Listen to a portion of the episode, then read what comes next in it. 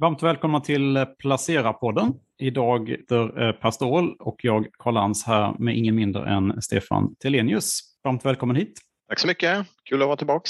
Det var ju nästan ett år sedan vi såg sist. Vi vill ju höra vad som har, vad hänt i din depå sen sist och eh, lite om eh, dina största innehav nu. Ja, nej men senaste året har ju varit väldigt starkt för min del. Jag har ju fortsatt med mina tillväxtstrategier i huvudsak och, och de har utvecklats väl och men väldigt volatilt.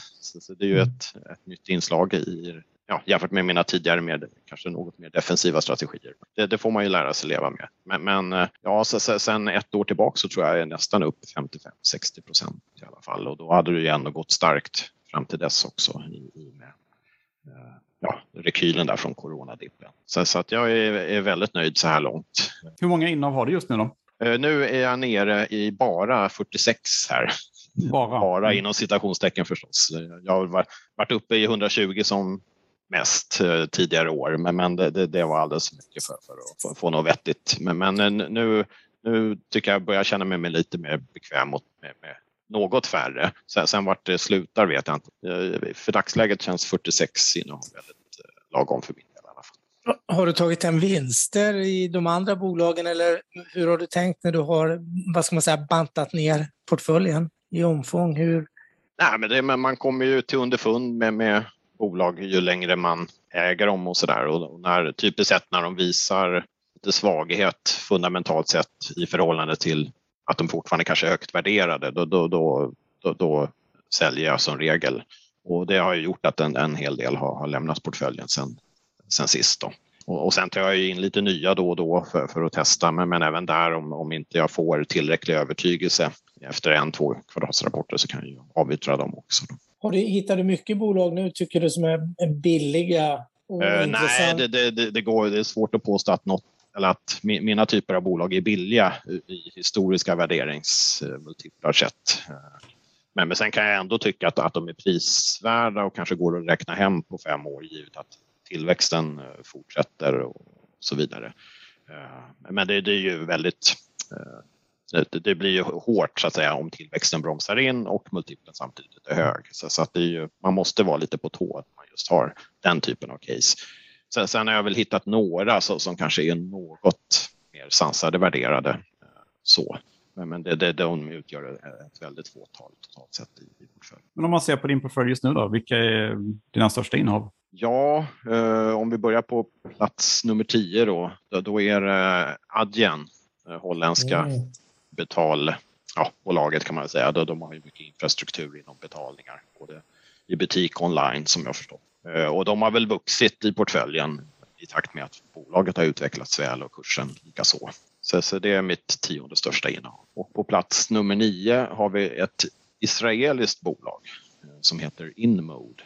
Eh, så, som, som är lite inriktade på, på medicinteknik eh, och inom olika behandlingar, skönhetsingrepp som har en fantastiskt fin tillväxt och, och verkar vara väldigt innovativa också. Så, så att det, de brukar, jag har inte ägt dem jättemånga kvartal än så länge men har hittills överraskat på uppsidan varje gång. Så, så att de har också vuxit eh, naturligt i, till topp 10.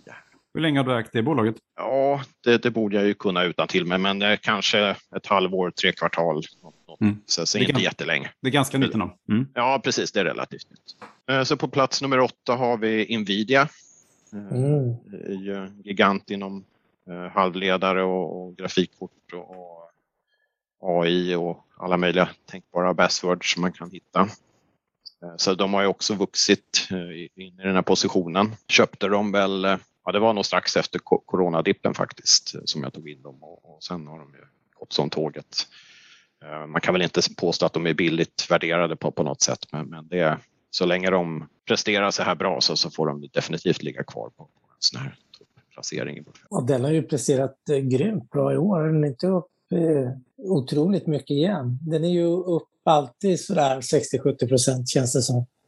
Den är, ja, alltid ja. med, den är alltid med bland de här vinnarna på S&P 500-index. Det ja. känns som om den har varit i 10-15 år. Liksom. Den är ja, alltid topp top 10. Liksom de verkar ju vara väldigt innovativa och man kan ju tänka sig att, att de, det finns spår som, som de inte har prövat ännu så som kommer framöver. Så, så att mm. det är synd att sälja den typen av bara på värdering. tycker jag. Så, så de får ligga kvar. Så, så, så, man kan säga att när, när du ser en aktie som fortsätter att ticka på uppåt så skulle du, du låter den bara gå, löpa så att säga? Eller ja, jag försöker med det i största möjliga mån om inget så att säga, negativt har framkommit sen senast. Då. Men, men ja, om alla checkboxar ser bra ut så, så, så får den ligga kvar. Mm. I vissa fall kan till och med öka också faktiskt. På, på, på, eh, trots att värderingen är hög. Så, så att det, det, kan väl ha förklarat att det har blivit hyfsad avkastning senaste en, två åren här då i och med att jag har gått mm. över mer till den strategin. Eh, sannolikt så kommer man ta mer stryk då när, när det svänger om sentimentet och det, det har jag ju sett i de här sektorrotationerna och liknande att, att det, det, blir mer volatilt. Men, men jag tror det är en det är en bra strategi på, på, på, medel och lång sikt i alla fall. Hur tänker du när det, var, det, har ju varit, det har ju varit rätt stökigt i år, i alla fall om man är tillväxtorienterad. Det har ju varit ganska tvära kast upp ganska kraftigt till mitten på februari och sen blev det mm. rent inflationsfrossa. Och även i början på maj var det ju en körning mm. ner. Det har ju, det har ju varit ganska tufft. Hur försöker du tänka i de här lite tuffare, när det blåser lite hårdare, när Nvidia liksom ligger, när den inte, den, den går ju ner ganska kraftigt, även mm. den adjen som du säger. De, de har ju dagar som är allt annat än roligt liksom. Ja, Nej, men i, min mest offensiva portfölj, där, där jag har eh, där, där så att säga, de riktigt mer offensiva casen tillväxtmässigt och värderingsmässigt finns, där, där där kan det ju bli eh, intradagsrörelse på 8-9 procent trots att jag har liksom, ja, mellan 20 och 30 bolag i den. Eh, och det, det är ofta sentimentdrivet då. Så, mm. så det, det, det, får, det, jag har väl vant mig vid det så, att det är inte något som har gjort att jag sover dåligt om natten. Utan jag, jag tänker att det, det, får vara en naturlig del av den typen av mm. strategi. Så sen har jag en annan portfölj som är lite mer sansad, som är mer inriktad på kvalitetsbolag men ändå med god tillväxt med med Microsoft i toppen och så vidare så, som senare. Men, eh, mm. Och det där är ju betydligt lägre volatilitet. Så på helheten så, så är volatiliteten hög men, men ändå ja, acceptabel tycker jag. Och, och, det här är ju i huvudsak numera mina pensionsplaceringar så, så att det är ju en sparhorisont på cirka 15 år åtminstone. Mm. Så, så att då, då, då, då, kan man ju tåla volatiliteten bättre tycker jag. Ja, vad har du efter Nvidia då? Eh, på plats nummer sju har vi eh, Taiwan Semiconductor. Yes. Och det är ett av mina äldsta case faktiskt. Jag tog in det som ett utdelningscase eh, för många, många år sedan. Mm. Kanske direktavkastade 3-4 procent på den tiden. Och jag var ju mer utdelningsorienterad orienterad på den tiden. Och, och ja, och sen när man började ana den här halvledar trenden som, som uh, har spelat ut i större utsträckning nu då, men, men kanske redan för, för något år sedan så, så kunde man väl nästan se att, att halvledare var mer i ropet än, än, på, än på länge. Det, det är ju alltid uh, en industri som, som sannolikt går bra över tid i och med att, att mm. blir mer och mer beroende av halvledare. Men, men då, då ökade jag på rejält i bolaget. Uh, så att det, ja, så, så det är, den förtjänar definitivt en topp 10-placering tycker jag. Eh, det, det, som gör att man inte äger ännu, ännu mer i den är väl kanske den politiska risken med Kina och sådär. Det, så det, den, är väl, den, den, gör väl att man inte vill ha det som ett topp tre innehav kanske. Men, men eh, på topp 10 tycker jag definitivt en plats. Den har vi fått känna på nu sista halvåret, den politiska risken. Just den kinesiska. Ja, precis. Man, ja, man, vet, man, vet, ju inte vad de har för planer med Taiwan och sådär. Så, så det, det, det, går ju inte att utesluta något tråkigt där. Men, men eh, ja. Mm. ja Rent fundamentalt så är det fantastiskt fint. Mm. De försöker diversifiera sig genom att bygga fabriker utanför Taiwan och så där också. Så att eh, ja, det, det, det, i någon mening ska, ska de väl klara lite, lite stök också. Ja, nu ska det ju byggas både fabriker i Europa och USA, så jag, mm. det är som du säger, det blir väl en bra diversifiering rent ja, geografiskt. Och... Ja, kanske minska risken något i alla fall. Ja. Mm. ja, om vi går vidare på plats nummer sex då, då har vi eh, cybersäkerhetsföretaget Crowdstrike. Som, som är eh, ja, det, och, ett otroligt imponerande bolag med mm. otrolig innovationshöjd så, som jag förstår det. Jag, jag är ingen superexpert på, på cybersecurity men, men jag har ju en IT-bakgrund och lite sådär. Och det, det, det, det förefaller som deras plattform är, är väldigt i ropet. Tar in otroligt mycket kunder hela tiden och växer omsättningen otroligt bra. Eh, väldigt starkt kassaflöde också. Eh, så vilket är viktigt i den här typen av bolag tycker jag. Eh, om man ser på, på vinster och liknande så, så ligger de framåt i tiden och satsar väldigt offensivt på tillväxten här och har stora poster inom R&D, sannolikt inom marknadsföring också. Men, men det jag tror är helt rätt strategi att när mm. de är i en någon sorts vinnarposition här att, att försöka ta så stora marknadsandelar som möjligt och deras marknad förefaller ju vara väldigt stor och växande. Så, så att de förtjänar definitivt en 10-placering. Eh, ja, så, så, som många av den här typen av bolag så, så är värderingen otroligt ansträngd. Så, så att de, det är ett väldigt volatilt, eller ja, en väldigt volatil aktie så, som man var beredd på att även om kvartalsrapporten slår alla förväntningar och de skruvar upp eh, prognoser så blir det ändå massa vinsthemtagningar mm. sannolikt från mer kortsiktiga placerare. Då, Aktien upp 31 procent i år och 122 procent på ett år. Ja, precis. Jag, jag, köpte väl in dem tror jag i, strax efter coronadippen där också så, så jag fick en väldigt bra start. Och sen har jag ökat på successivt mm. sen dess. Ja, eh, på plats nummer fem så har vi faktiskt på samma tema då, cybersecurity. Men eh, kanske något mer bo moget bolag, eh, Fortinet. Mm. som är ett amerikanskt bolag då inom eh, IT-säkerhet. Och de har, de har väl funnits eh, ja, lite längre än, än, än Crowdstrike som är relativt nya inom, inom området. Men, men de, de är ju en riktig kassaflödesmaskin. Fin lönsamhet, växer fint. Så, så att det är framförallt utvecklats väl senaste året som gör att de har nått topp fem här. Det lustiga är att de är nästan exakt lika stora sett till marknadsvärde. Då, med lite drygt mm. 50 miljarder dollar båda två. Liksom. Ja, ja, och Fortinet är ju betydligt mer lönsamma och sådär. Men, men sen Crowdstrike, Crowdstrike har ju bättre tillväxtpotential på sikt. Så. Mm. Men, men, men det måste skilja 400 i P tal mellan dem, eller 450. Är inte Crowdstrike uppåt 500? Eller ja, jag tror det, alltså, jag menar, P talsmässigt måste det vara Ja, nej, P-tal är, inte, det är inte mitt favoritnyckeltal. nej, det är inte mitt jag, tror, heller, men... jag tror Crowdstrike har väl negativt E, så, så att det ja, är svårt jo. att prata P där. No. Mm. Men Fortinet, aktien har ju gått mycket bättre om man mäter just bara innevarande år. Då är den ju upp 116 procent nästan. Ja, eh, jo, när jag, när jag plockade in den för, för drygt ett år sedan eh, var det väl sannolikt. Och då, då var ju värderingen var ju relativt konservativ för mm. ett, eh, den här typen av bolagen otroligt fina nyckeltal. Så det har ju blivit både en uppvärdering plus att bolaget växer på fint också.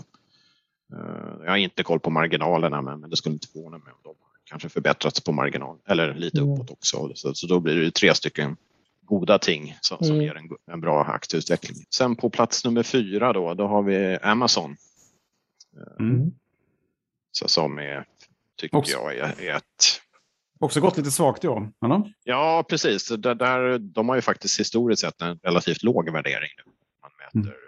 EV sales. Mm. Jag tror de brukar ligga på fyra och nu kanske det är närmare tre. Så, så där kan man ju argumentera för att det är snudd på ett värdecase här. Men mm. Eh, de uppvisar ju god tillväxt och de, de är ju diversifierade i form av molntjänster och e-handel och så vidare. Så, så det, det, känns som ett bra bolag att äga eh, även framåt på längre sikt tror jag. Så, så därav att de har en, en topplacering. Då. Har du ökat i Amazon under, i år? Eh, ja, jag, jag, ökade faktiskt lite i senaste kvartalrapporten. Där jag tyckte eller det, det, var nog faktiskt, jag, jag, var nog lite otaktisk där att jag köpte dagen innan rapporten. Det brukar jag inte göra. Men jag, hade lite likvider, jag hade lite pengar över och, och försöker sträva efter att vara fullinvesterad. Så, så att, och det vet man ju aldrig innan en rapport om den kommer att överraska på Nej. sidan eller nedsidan. Men, men ja, det, det, var ändå ett långsiktigt köp. Men det var kanske lite illa tajmat rent kursmässigt just då i och med att de har tagit lite stryk sedan dess. Då. Mm. Men så där, där är jag nyligen. Men då har du lite krut, torrt krut. Jag menar, den kan ju börja gå när den, den har ju lite sådana konstiga cykler just Amazon. Den, den rör sig mm. sidledes nästan ja, ja. ett år. Kan det, ja, precis. Ju... Ja, skulle det bli en uppvärdering till EF4 mm. då, då har man ju kursutveckling ja, där. Lite, mm. ja, men, men mm. Amazon är, det är väl mer ett långsiktigt mm. så de, de, de, är också innovativa och det, det finns ju affärsområden så som nu så, som är ja, som eh, molntjänsterna exempelvis som inte mm. fanns för, för knappt för tio år sedan. Så det är ju, man kan ju tänka sig att de hittar nya vertikaler och växa in också. Vi hoppar upp till pallplatserna här då. Mm. Och på tredje plats så har vi ett svenskt innehav, Swedencare. Ah. Det, inom djurhälsa. Mm. mm. Det är ju en, förmodligen min bästa aktieaffär någonsin när jag investerade i det bolaget för, för jag skulle gissa att det var en tre, fyra år sedan i alla fall. Så jag var relativt tidig på bollen. Och, och sen har jag ökat successivt men även skalat av lite tyvärr också eh, med facit i hand. Eh, så. Men, men så, så, att de har ju, jag tror de har, att det är en 11 bagger för mig om man ser till bara anskaffningsvärdet och då har jag mm. ändå snittat upp mig under tiden. Men, men de går ju från klarhet till klarhet tycker jag med, med fina förvärv, växer organiskt 45 eh, procent senaste kvartalet här om jag inte minns fel. Eh, så, så att det har ju, det har ju både den här arbetaget via fina uppköp och eh, tillväxten så, som gör att, att det är ett otroligt spännande bolag. Mm. Även på, på längre sikt mm. tror jag här. Ja, nästan fyra gånger pengarna på 12 månader. Så. Ja, ja. Mm. det, det, man, man förundras hela tiden. Och, och, värderingen är ju förstås superhög med alla mått mätt. Men, men här, här är det ju verkligen tillväxt under lönsamhet. Givet att de har fortfarande fort, eller fortsättningsvis har bra näsa för, för de här förvärven då, så, så, så vill man ju verkligen hänga kvar eh, i bolaget. Anledningen till att jag minskade för förra kvartalsrapporten tror jag det var.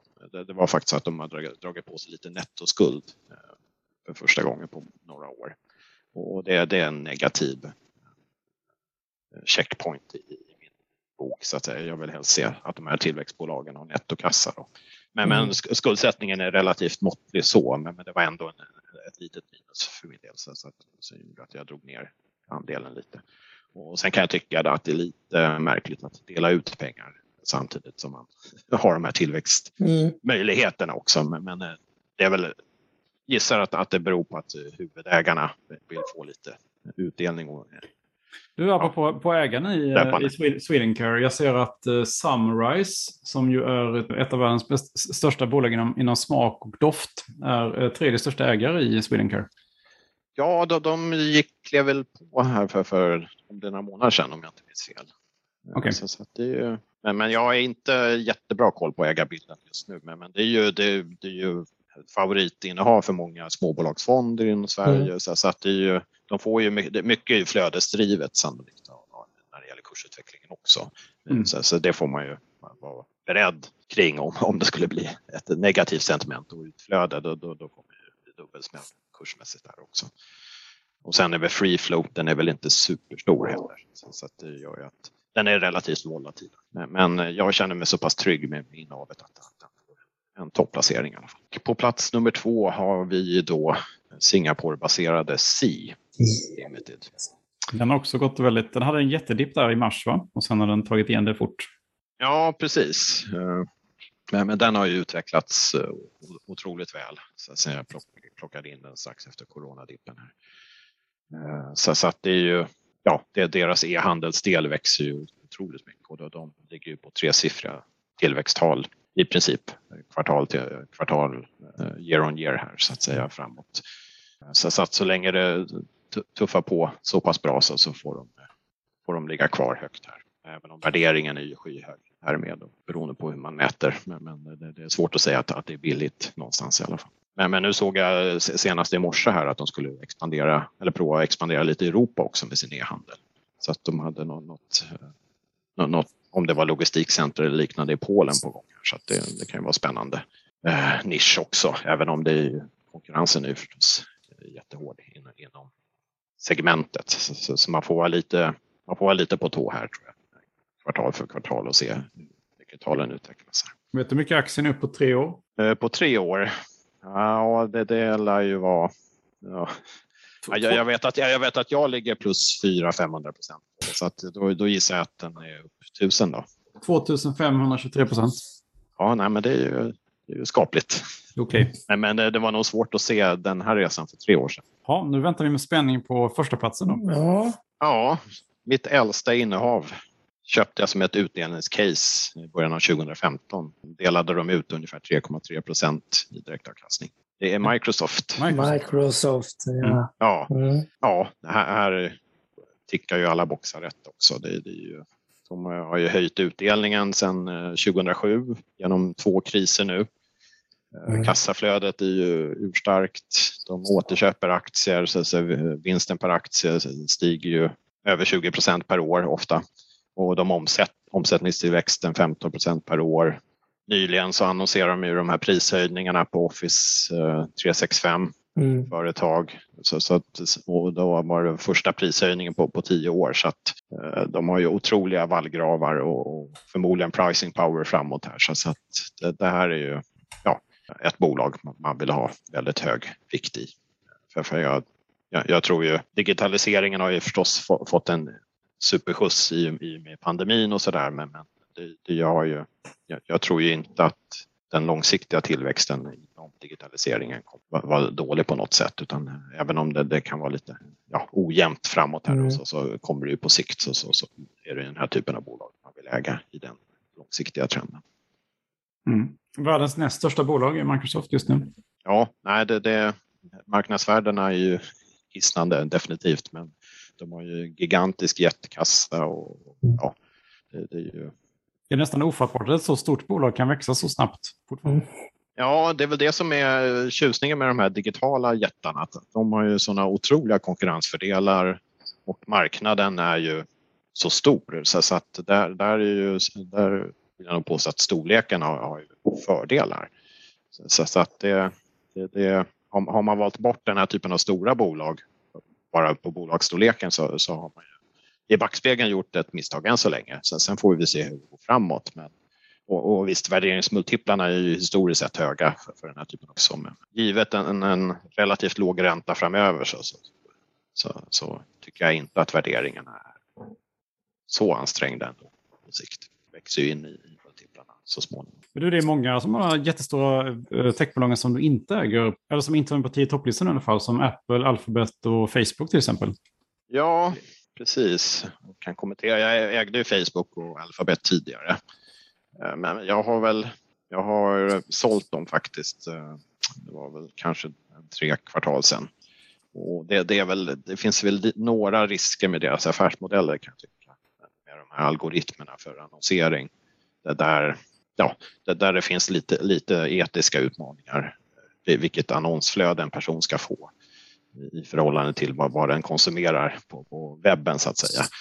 Eh, så, så att eh, ja, ja, ja, och sen finns det ju regleringsrisker där i högsta grad. Så, så, så att eh, ja, när jag summerade risk-reward för, för de, de bolagen så, så tyckte jag nog att, att riskerna övervägde Ser du lite grann ett scenario som, eh, jag tänker i Kina nu är det väldigt extremt i och för sig, men att vi kan kanske se något lite liknande fast väldigt mycket mildare då gissar jag i västvärlden? Liksom. Ja, det, det, tror jag. I synnerhet i Europa tror jag att mm. begränsningar. Jag tror Australien har infört begränsningar för, för Google exempelvis. Eh, nu är jag inte jättepåläst kring det här eh, i dagsläget, då, men på sikt så, så, så, kan det nog bli begränsningar. Så att då, då, då även om just de här två bolagen är nog relativt sansade värderade så, så tycker jag den långsiktiga eh, potentialen är, är lite grumligare av den anledningen. Så då väljer jag hellre att lägga pengarna på andra bolag. Men eh, Apple nämnde du och det, det äger jag. Det, det har jag ägt. Det är ett av mina äldsta bolag. Och de har ju verkligen överraskat mig på, på tillväxtsidan. Det, det, för, för mig känns det mer som ett moget bolag med, med fina marginaler och sådär. Men de har ju verkligen överraskat på uppsidan. De, de har väl inte övertygat mig att, att, att jag ska öka på längre sikt, men de återfinns i alla fall på plats nummer 26 i portföljen. Och jag har väl en liten, liten övervikt jämfört med globalt världsindex. Hur är det med Tesla då? Har du den då? Uh, nej, den har jag aldrig vågat investera i. Den känns lite för... den känns, jag har väl inte satt mig in riktigt mycket i bolaget men det känns, eh, ja värderingsmässigt så känns det, har den väl alltid känts dyr. Så att den, den känns lite för oförutsägbar tycker jag för att investera i. Och sen är jag väl lite sådär fundersam på, på totalavtrycket när det gäller miljömässiga effekter av de här batteribilarna. Så det är som jag inte tycker kommer fram tillräckligt i debatten i alla lägen. Så, så där är jag väldigt osäker på om, om det verkligen är det självklara långsiktiga miljömässiga bästa valet. Då, tycker jag, nu är jag inte superinsatt i den här tekniken, men jag tycker de här vätgasbilarna från Toyota tycker jag ser, ser riktigt trevliga ut. Som, där det bara blir vatten som biprodukt som jag förstått det. Och Toyota har ju en väldigt låg värdering också.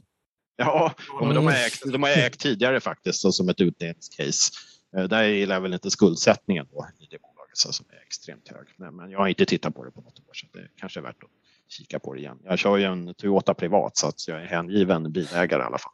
Och mm. De har ju otrolig kvalitet i sina. Men, men har du någon annan exponering mot bränsleceller och vätgas? Uh, nej, det, det, det, har jag inte. Jag, jag, är inte tillräckligt påläst där. Så, mm. att, men, men det, det, det kanske är något att kika på för, för jag har ju ändå förnyelsebar energi som någon sorts mm. tema i portföljen. Här. Men, men då är det framförallt inom sol, solenergi då, så, som jag har. Två bolag då, Solar Edge och Enbridge så, som, som exponering däremot. Det är också israeliskt va, det första, Solar Edge? Ja, ja precis, det är israeliskt mm. och Enbridge amerikanskt.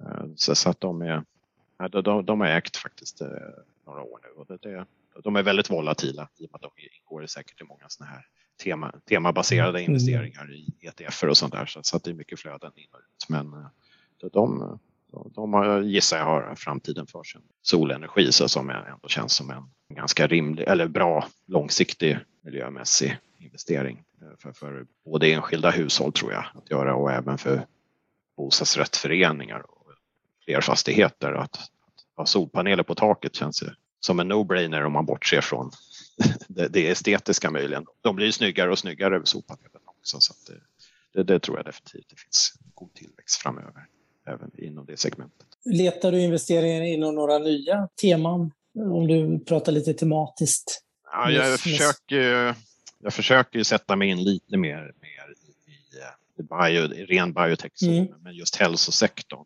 Mm. Så, så att med, med antikroppar och mRNA och allt mm. det där. Dotter hon läser ju en naturvetenskaplig linje på gymnasiet och mm.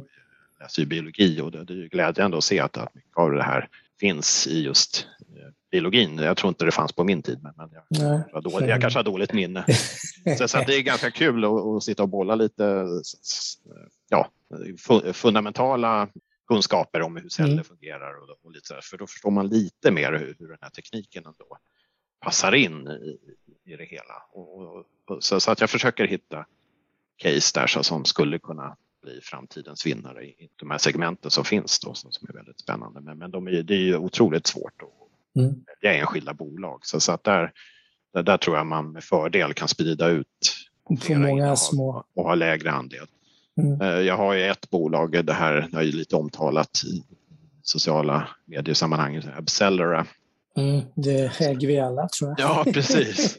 Så, som fundamentalt sett eh, ser ja. väldigt lovande ut av många projekt på gång och spännande teknik och så vidare. Men, men kursmässigt så, så, har det ju varit lite trist. Men, men mm. där, där har jag ändå hållit i eh, trots att mm. jag säkert ligger 40-50 procent back i, i caset. För, för jag tycker ändå att, att tekniken ser så pass spännande ut. Så att, och jag, jag har inte sett något fundamentalt som, så, som talar emot bolaget på sikt. Kortsiktigt så, så har det inte varit du får titta lite på CRISPR-teknologin. Det, det, kan jag rekommendera. Ja, ja men precis. Ja, men där, jag eh, kikar lite där. Ja, titta lite på CRISPR och Intellia. Och, eh, ja. ex, extremt spännande. Ja, precis. Det, det, det, finns en uppsjö bolag där. Mm. Men, men det känns som jag har varit sen på bollen där hela gången. Jag, jag investerade lite i Moderna exempelvis. Mm. framstod att de var en av vaccinvinnarna här. Men, men eh, de, de ja, jag hade för lite övertygelse för att förstå att, att de kanske blir en riktigt långsiktig vinnare också. Mm. Och nu, nu känns det som tåget har gått i de där bolagen. Biontech, det snackas väl som, som nya Tesla liksom, inom um, mRNA? Liksom. Ja, ja. Mm. Nej, men det, det, är otroligt fina bolag förefaller det som. Men det är mm. lite svårt att veta vad, vad man ska Det är väl att de tjänar så otroligt mycket pengar just nu som de kan använda på research.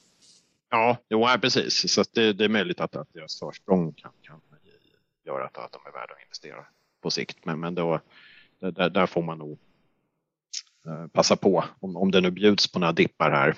Mm. Men, men, ja, nej, men det, de, de är intressanta, men, men jag, jag, äger dem inte för, för närvarande.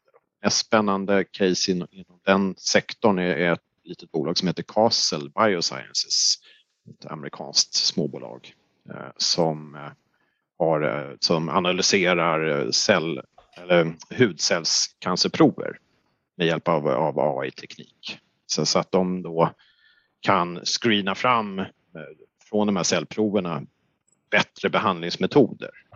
Som jag har förstått det. Att, typiskt sett om man drabbas av, av hudcancer så, så får, ordinerar läkaren ganska kraftiga behandlingar så, som i vissa fall blir, blir väldigt, lite väl tuffa för patienten. Mm. Kanske inte så träffsäkra men, men de här, det här bolaget är en del i den värdekedjan då att, att de kan eh, baserat på, på genuppsättningar på, på de här cancercellerna och deras AI teknikregister då med machine learning så, så hittar de bättre behandlingar för, för patienterna.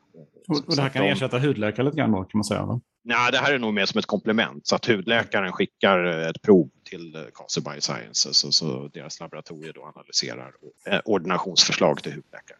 Så, så att det, det, det, det är win-win tror jag för, för både hudläkaren så, som kan ge en bättre behandling till patienten så, som får en mer skräddarsydd behandling. Och samhället, om inte ja, minst. Och, och tyvärr, så, så det, ja, och mm. den här cancertypen är stadigt tyvärr. Så, så att det, de, och de är relativt små fortfarande, men ändå lönsamma och, så vidare. Så, bara två miljarder dollar? Ja, precis. Det, det är ju litet mm. i amerikanska sammanhang. Mm. Det är microcap.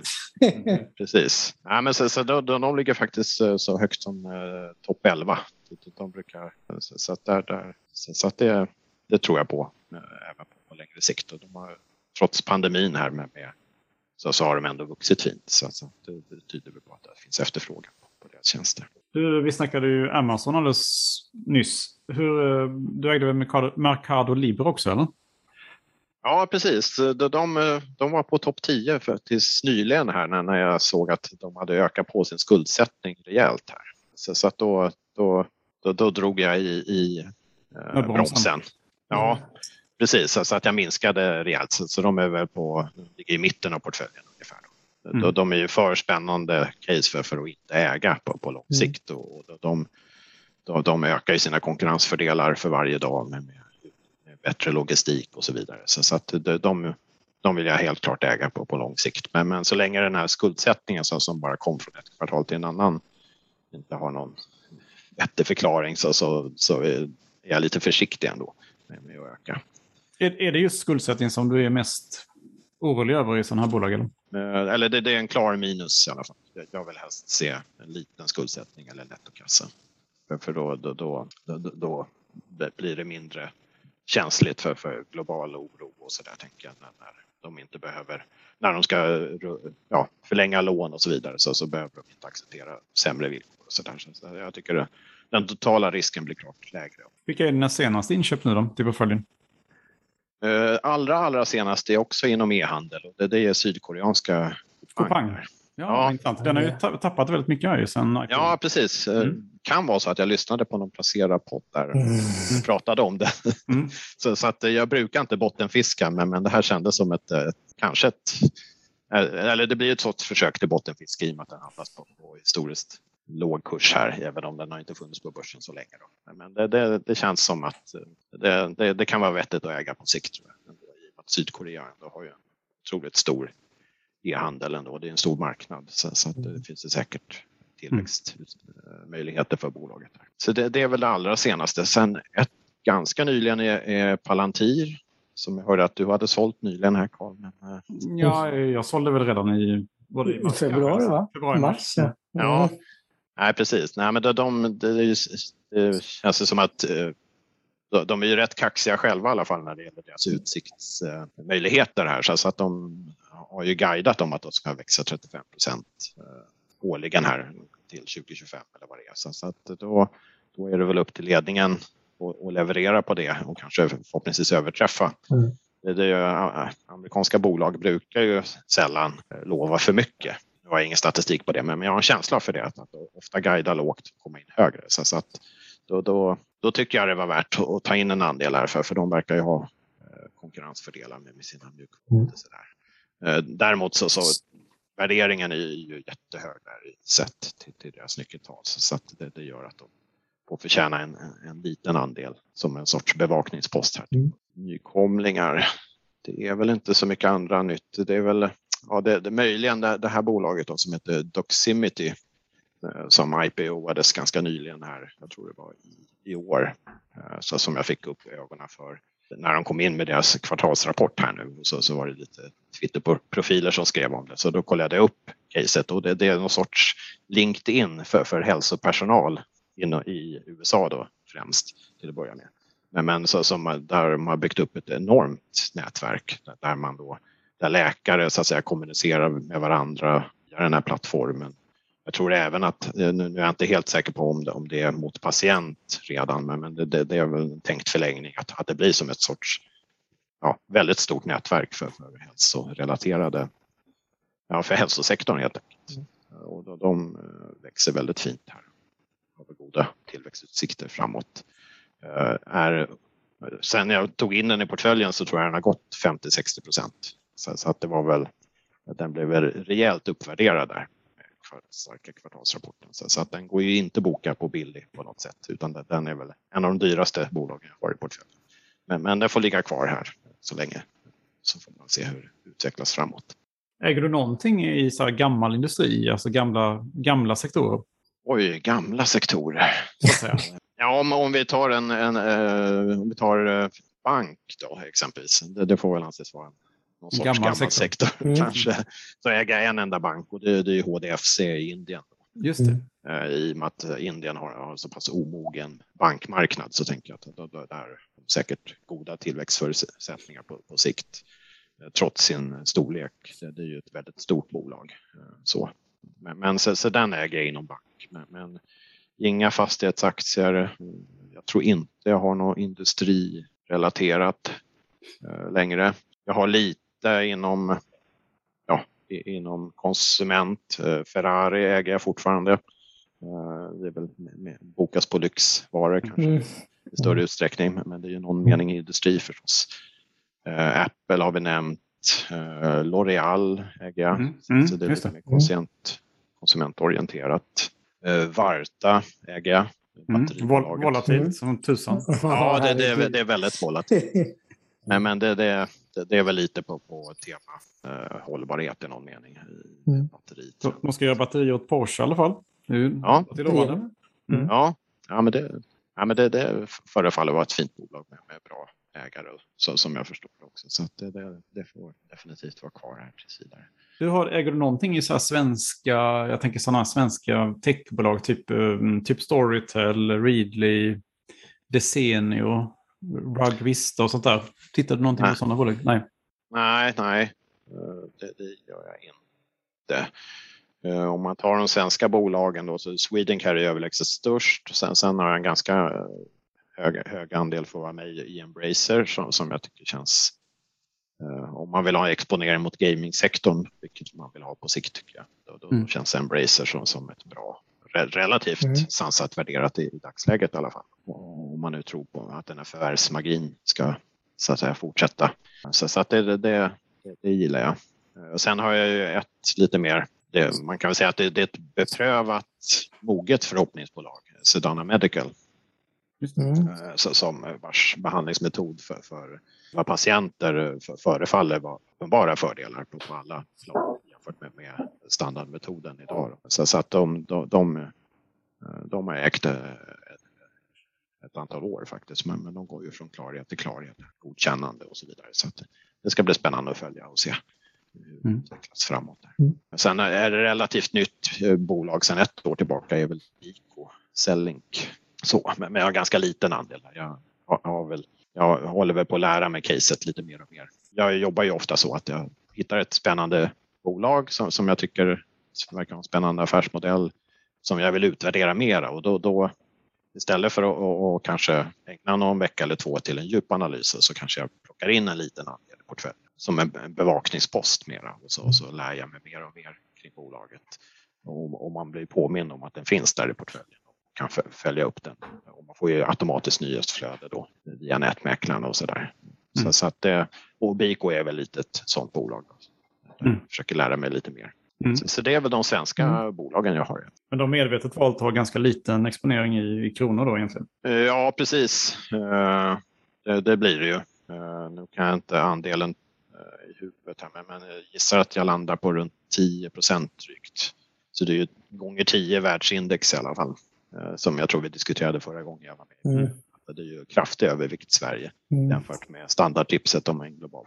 Men jag, jag, tänker väl inte lika mycket på, på det längre utan ett, ett spännande bra bolag är ju välkommet oavsett ursprung. För det kan jag väl kommentera också. Jag har ju dragit ner med min exponering mot Asien till följd av de här Kina politiska utspelen som har varit. Jag har ju ägt lite kinesiska bolag. Du hade Prossus och sådär va? Eller? Ja precis, men, men de mm. sålde jag av för, ja, det blev någon månad sedan när det var mm som värst förmodligen. Mm. Det är möjligt att, att jag prickade botten där men det, det, det, känns, den politiska risken känns lite för, för osäker för min smak mm. just nu i alla fall. Då.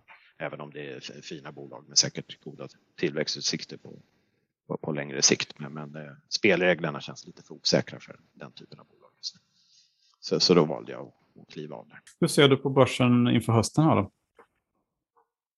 Jag, brukar inte titta så mycket på börsen i stort sådär. Jag, jag, jag tävlar ju förstås mot, mot globalt världsindex och, och, den typen av fonder och, och, och lite sådär. Så, så på så sätt så håller jag ändå koll på, på, på, på börsutvecklingen eh, utifrån från dem då. Men, men hur, hur, börsen i stort ska gå framåt. Ingen så här superstark upp. Jag, jag har väl makroparametern jag tittar på mest är väl ränteläget helt enkelt. Eh, och jag är väl inte jätteorolig för, för att det ska bli en långvarig hög inflation. Utan jag, jag tror väl att det är mycket tillfälliga eh, effekter vi ser nu i mm. Så, som förvisso kanske kan spilla över på, på år. Men är, så, så länge långräntan eh, håller sig relativt lågt och utsikterna för den är, är låga så, så tror jag fortsatt på, på tillväxtorienterad strategi. Gärna välja bolag med, med starka eller med bra affärsmodeller, bra konkurrensfördelar, stark balansräkning mm. och så vidare. Då, då, då, tror jag att, man har, att jag har goda chanser att konkurrera med, med globalt index som förvisso består en del av de typerna av bolag men även består av lite äldre bolag. Då. Jag tänkte på den här, du, du övergav ju den här utdelningsstrategin då. Jag gissar att du hade mycket fastighetsbolag där tidigare också? Eller det? Eh, ja, det hade jag nog en del. Eh, klassiker som Castello och liknande. För, för jag kikade bara på de här fastighetsbolagen. Alltså det är ju um, det är ju inte ovanligt med fastighetsbolag som har stigit 100% redan i år alltså, på svenska börsen i alla fall. Mm. Ja. Nej, men jag har inte koll på den sektorn. Jag, jag, är ju eh, extremt all in fastigheter privat. Eh, med, mm, mm, just det. Numera både äger bostadsrätt och, och ett fritidshus här, så mm. det får räcka som exponering mm. den marknaden. Ja, klokt. Det är logiskt. Nej, precis. Nej, men de, de här traditionella sektorerna som, som verkstad och, och fastighet och bank och sådär, de har jag medvetet valt bort helt enkelt. För, för, så, så blir det något lättare att fokusera på de här tematiska eh, investeringarna så, som jag huvudsak gör med, med framtids, framtidens tema förhoppningsvis då, med, med, mm. med spännande teknik och, och, lite sådär. Så det blir, blir lite enklare. Jag, jag har ju fått lite feedback ibland att jag borde balansera upp portföljen med, med lite mer värdecase eller lite mer av den typen av, av traditionella aktier. Men, men, eh, möjligen att volatiliteten skulle minska men jag är inte övertygad om att totalavkastningen på sikt skulle bli högre. Så att då väljer jag hellre möjlighet till högre totalavkastning mm. att det blir lägre volatilitet. Du, du har ju inga förvärvsbolag heller som jag förstår. Jag tänker på de här serieförvärvarna förutom Embracer. Ja, det är Embracer och Swedencare då. Ja, jag tänker på Lifco, de här Indutrade, de här Adtech, Nej. Adlife. Eh, den Nej, men typen de, av... Eh, det, det, är ju ett, det, det är ett spännande, ja, okay. det är ett spännande investeringstema, absolut. Så, mm. det, det, det, kan jag definitivt förstå att, att folk gillar det. Så att säga. Men, men eh, jag, ja, jag är inte tillräckligt insatt för att förstå att, att de har även bra dagar framför sig att göra inom den ty typen av förvärv. Eh, I någon mening, vissa bolag till slut blir de ju för stora och då, då kanske det blir svårare att mm. riktigt bra värdeadderande förvärven. Eh, huruvida de här har nått en sån storlek eller inte, jag har ingen aning om. Men, men, men jag gillar typen av, av case, alltså att man förvärvar kvalitet till en låg multipel. Mm. Får en värdering och ökat kassaflöde. Och så kan man, får man eh, styrka att göra nya förvärv. Och det är väl det, lite det som jag gillar just med, med Swedencare och Embracer också, att, att nu har de blivit så pass attraktiva för, för de här uppköpsobjekten. De nästan blir uppsökta att blivit förvärvade. Och då, mm. då, då kan man ju tänka sig att kvaliteten på, på, på bolagen kanske kan bli bättre om man har fler att välja mellan. Kanske prislappen kan, också kan bli sansad. Så, så att det, det, är en spännande nisch, absolut. Mm. Kul att ses igen här. Ja, så, så. tusen tack att du ville dela med dig mm. av dina, dina insikter och aktieinnehav. Stefan? Ja, men det, jag gillar att tänka högt. Så då, då mm. kan man få lite feedback på gott och ont sen eh, förmodligen. Eh, så, så att det, det, är en del av min strategi. Mm. Så det är kul att kunna dela med sig av tankar. Mm. Ja, det tycker vi är jättetrevligt. Mm. mm. Ja. Tack så mycket. Ja, tack så mycket. Ha det bra. Hej, hej. hej. hej.